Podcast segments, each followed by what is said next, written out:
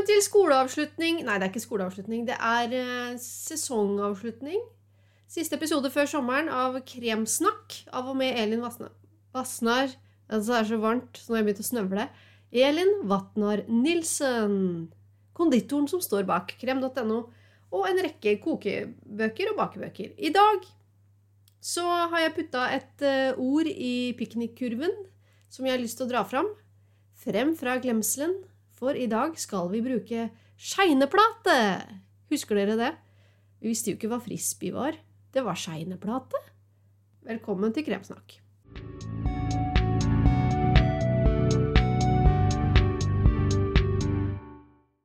Alle bøkene er jo levert, og derfor så blir det verken o-fag eller heimkunnskap i dag.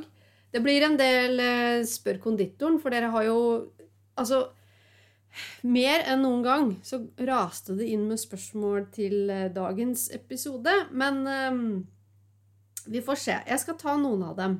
Det er sommer, altså. Det er skikkelig deilig sommer. Nesten 30 varmegrader.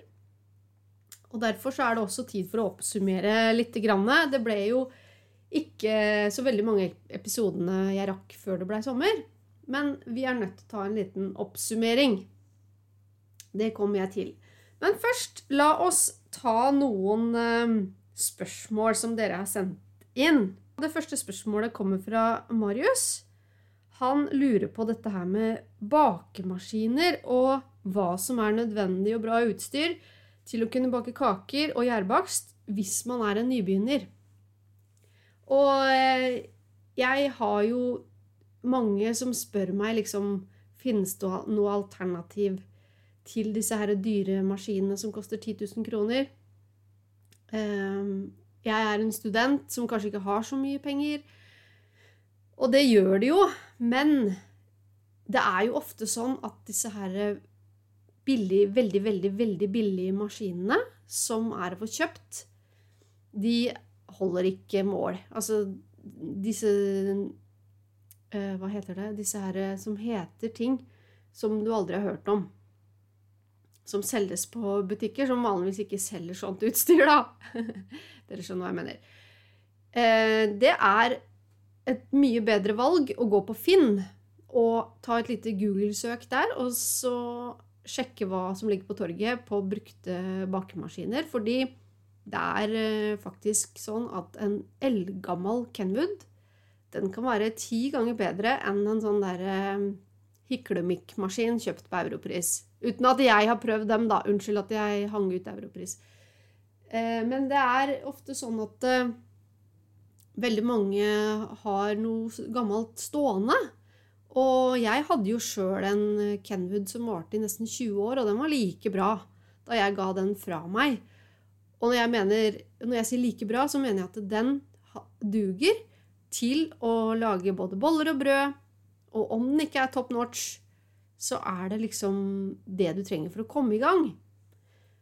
Og den jeg så på Finn i dag, den kosta 500 kroner. Og den var sikkert 20 år gammel. Men den var liksom fullt utstyrt. Og den høres jo ut som et treskverk når den går, det veit jeg.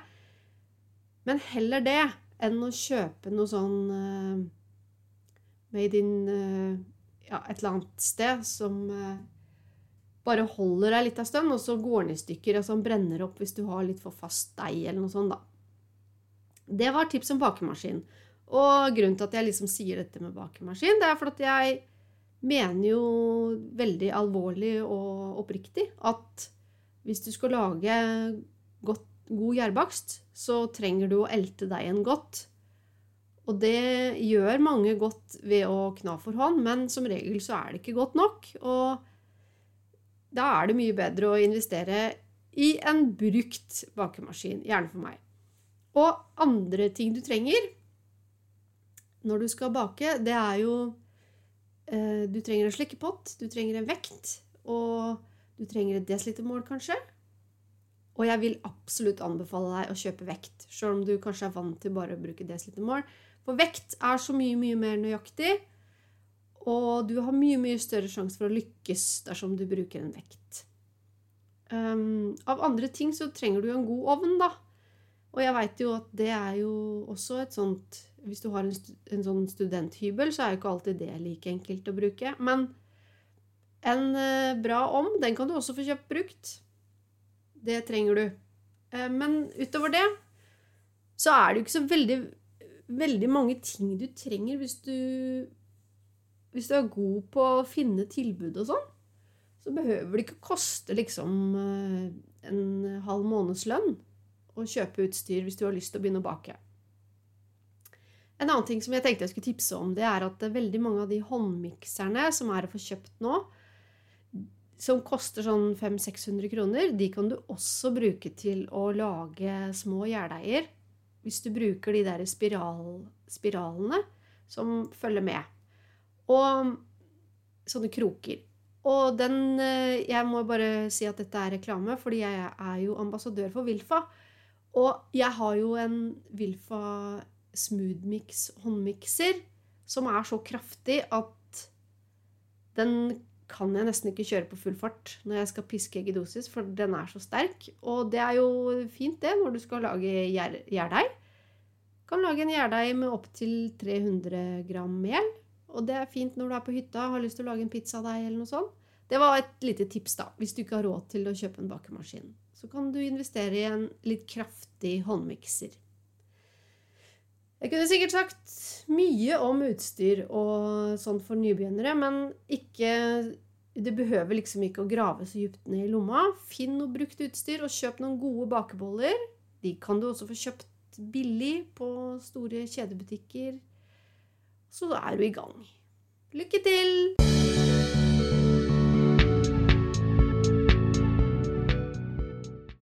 Det neste spørsmålet lyder Hva er forskjell på kaker hvor man rører smør og sukker hvitt, og de hvor man bare smelter smøret? Og det er veldig mange oppskrifter nå som er sånn at man blander det våte med det tørre, hvor man da har smelta smøret, fremfor Eller ha olje, da. Eller fremfor det å piske smør og sukker lyst og luftig. Og jeg vil si at den største forskjellen er nok konsistens. Fordi at eh, når du pisker smør og sukker hvitt, som det heter i oppskriften, så skjer det noe i den piskinga. Fordi det du gjør da, er å tilføre luft inn i massen. Det høres kanskje litt rart ut, men når du pisker smør og sukker sånn at du får en lys farge, så er det luft som gjør det, at den får lys farge. Og når du kommer i ommen da, så vil disse bitte, bitte, bitte, bitte, bitte små luftboblene de vil utvide seg. Og det gir en kake med en veldig sånn mjuk konsistens. Den kommer til å være ganske kompakt. Eh, og nå sitter jeg bare og tenker på formkake. ikke sant? Hvis dere har skåret en skive av formkake, så vet dere at den er sånn supermjuk. Den er veldig tett. Men den er saftig og holdbar i mange dager. Og når du da smelter smøret og blander det inn, så er det på en måte en fettkomponent som gir den kaka en mykhet, ja. Men eh, du vil ikke få den poringa, da, eh, som betyr den strukturen i kaka.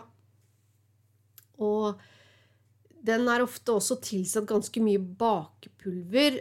Sånne, eller i hvert fall min erfaring er at eh, formkaker laget på den måten, de blir mer sånn litt sånn større høl. Ikke høl, da, men mer sånn struktur som har litt større luftbobler, går det an å si. Ja. Så det er den vesentlige forskjellen. Og mm, det ene er jo ikke bedre enn det andre. Jeg tror egentlig det er bare en sånn smakssak. Hva man liker, og hva man skal bruke den kaka til. Hva man syns er best å spise. Så et spørsmål om sjokolade versus kakao i en sjokoladekake. Hva er best?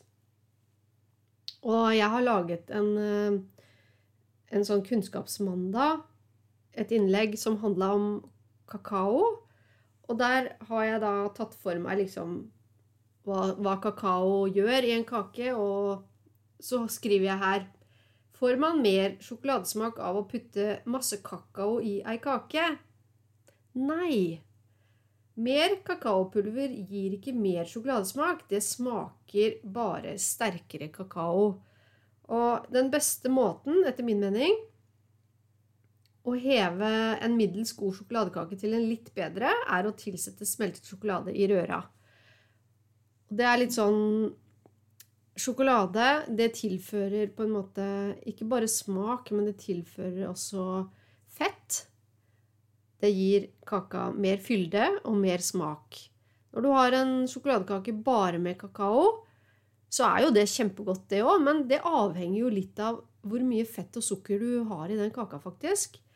Fordi kakao i seg sjøl, det er ikke søtt, og det kan bli litt sånn en anelse bittert hvis du har i for mye. Så istedenfor å pøse på med mer kakao i en uh, sjokoladekake, så kanskje du skal heller tenke på at uh, denne her tror jeg faktisk blir enda bedre hvis jeg tilsetter litt smelta sjokolade. Det er mitt tips til deg.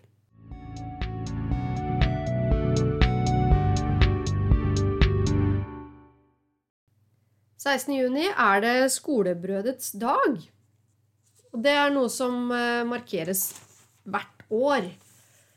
Samme hvilken dag det kommer på. Jeg tror det er 16. juni. Nå ble jeg litt usikker. Men i hvert fall det er på fredag, da. I år, 2023. Og jeg tenkte jeg skulle tipse deg litt om hvordan du skal lage skolebrød som ikke ser ut som små vulkaner. For det er kanskje det spørsmålet jeg får oftest når det gjelder skolebrød, eller olaboller, som jeg kaller det. Hvordan skal jeg klare å få i den vaniljekremen uten at den tyter ut når jeg steiker den? Og da har jeg et tips til deg, kjære kremvenn. Jeg syns du skal gå inn på TV2 Play. De fleste har jo det liggende nå i en eller annen spiller gratis. Og så skal du søke opp Bakebasillen, som er et eh, barnebakeprogram som jeg lagde sammen med Thea. Som eh, Og der lager vi da skolebrød. Det er et fem program, og du lærer alle hemmelighetene mine. Jeg skal også gi dem her, da. Men i hvert fall, det er veldig gøy for eh, barn å se på bakebasillen. Og det er også et tips til deg som trenger noe å sette på på tidlige sommermorgener når barna våkner altfor tidlig. Da, da, bare får du slappe av litt til, sett på bakebasillen. Da lærer barna dine masse, masse, masse om baking også. Men i hvert fall skolebrødsdag. Mange har lyst til å bake skolebrød. Her kommer mine tips til deg som skal lage skolebrød, og som lurer på hvordan du skal unngå denne vulcano crater. Det er altså å klemme bollene flate. Det er punkt én. Når du har lagd bollene, klem dem padde flate. Og så lar du dem etterheve. Altså Nå er vi på det stadiet som da heter etterheving hvor du da har rulla ut bollene. Altså da har deigen hevd først én gang, eller modnet, som det heter på fagspråk. Så har du trilla ut boller, klemt en padde flate, og de har heva da kanskje 30-45 minutter. Og så setter du seks fingre nedi den bolla. Du kan bruke fire òg, eller flere. Hovedsaken er at du lager et skikkelig krater i den bolla ganske svært før du legger den um, vaniljekremen oppi. Fordi det som skjer da, er at uh, vaniljekremen får en liten sånn fin grop å ligge nedi. Og jo seinere du gjør det før steiking, jo mindre sjanse, sjanse er det for at den tyter ut igjen når du setter den i ovnen. Men jeg må bare komme med en liten advarsel. Og det er at kjøpekrem den lever sitt eget liv. Den har jeg ikke noe styring på, egentlig. Jeg er veldig dårlig på å bruke kjøpt vaniljekrem. Jeg lager alltid vaniljekrem sjøl. Jeg har jo selvfølgelig vært borti kjøpekrem. Og det som skjer veldig ofte da, er at den tyter ut samme hva jeg prøver. Men uh, prøv hjemmelagd vaniljekrem. Og for deg som ikke hørte forrige episode, så hadde jeg en detaljert gjennomgang av hvordan du lager kokt vaniljekrem i forrige episode. Det er det beste du kan lage. Og det er altså kjempegodt i olaboller eller skolebrød. Ok, det var alle mine tips på hvordan du skal lage mm, skolebrød uten at det blir vulkaner av det.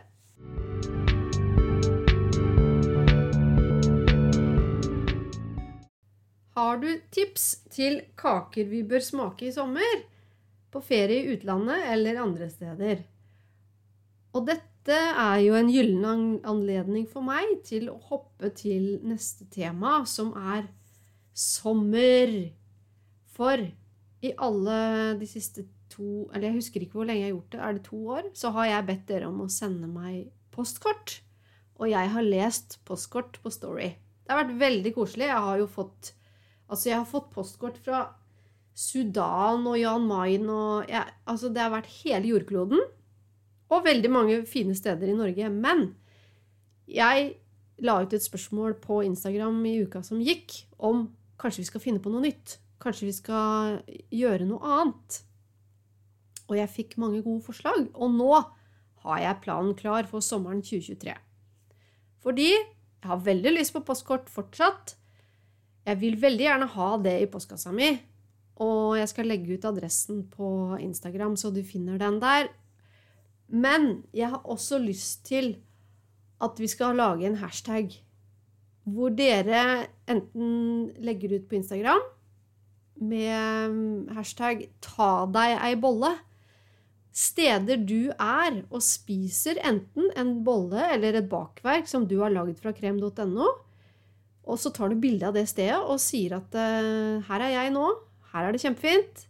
Eller hvis du besøker et bakeri eller konditori når du er på tur, på ferie, enten hjemme eller i utlandet, ta et bilde, send det til meg. Enten du sender det på DM, eller om du tagger meg i Story så deler jeg dette gjennom sommeren. Og jeg håper at uh, dette kan inspirere andre, da.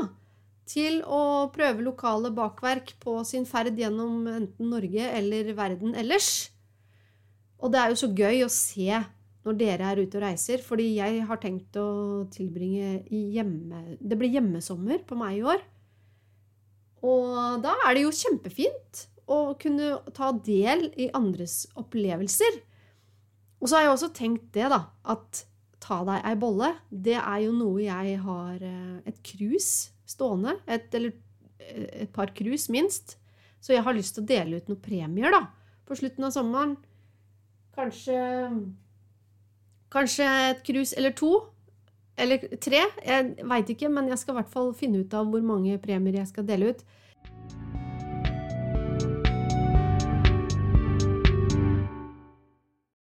Det er siste episode før vi tar sommerferien, og da må vi jo ta en liten evaluering. Vi må jo ta en liten oppsummering. Og jeg ser jo litt på tallene, hvor mange det er som lytter, og jeg trenger tilbakemeldinger. Fordi skal denne podkasten fortsette, så trenger jeg deres innspill på hva jeg kan gjøre annerledes. Skal vi fortsette med o-fag og heimkunnskap og norsk og klassens time og ventilen og sånn? Eller skal jeg gjøre noe helt annet? Skal jeg bare snakke om baking? Jeg er rett og slett litt interessert i å få noe ordentlig konstruktiv feedback. Fordi jeg sitter her aleine. Altså jeg, jeg hadde jo aldri trodd at jeg skulle klare å mekke denne podkasten sjøl, men jeg sitter da her aleine og lager denne og klipper til og gjør alt sjøl. Og jeg tjener ikke noen ting på det, og det er også noe jeg må jobbe med. Jeg trenger å tjene penger. Og jeg har veldig lyst til å høre fra deg hva du syns kan gjøres bedre, om du digger denne podkasten sånn som den er. Og så har jeg også lyst til å utfordre deg da, til å tipse andre om denne litt rare podkasten som handler om mye rart, men kanskje mest om baking.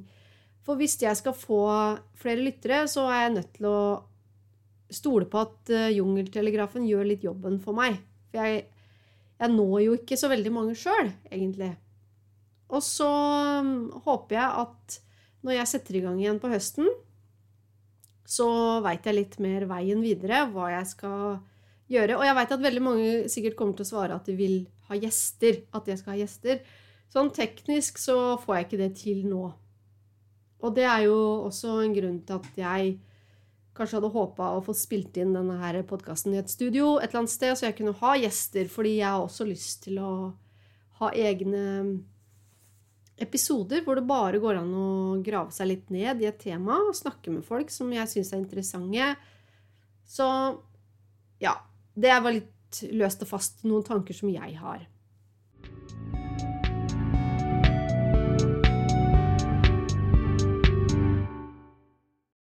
Har du lyst til å sende meg litt feedback, litt tilbakemeldinger, så gjør gjerne det på e-post elinalfakrøllkrem.no, eller du kan sende meg en melding på Instagram. Der heter jeg kremnoelin med en sånn underscore imellom. Kremno og Elin. Det var veldig, veldig hyggelig at du ville høre denne syvende episoden av Kremsnakk. Jeg håper at vi høres igjen til høsten. Så ønsker jeg deg en riktig så god sommer.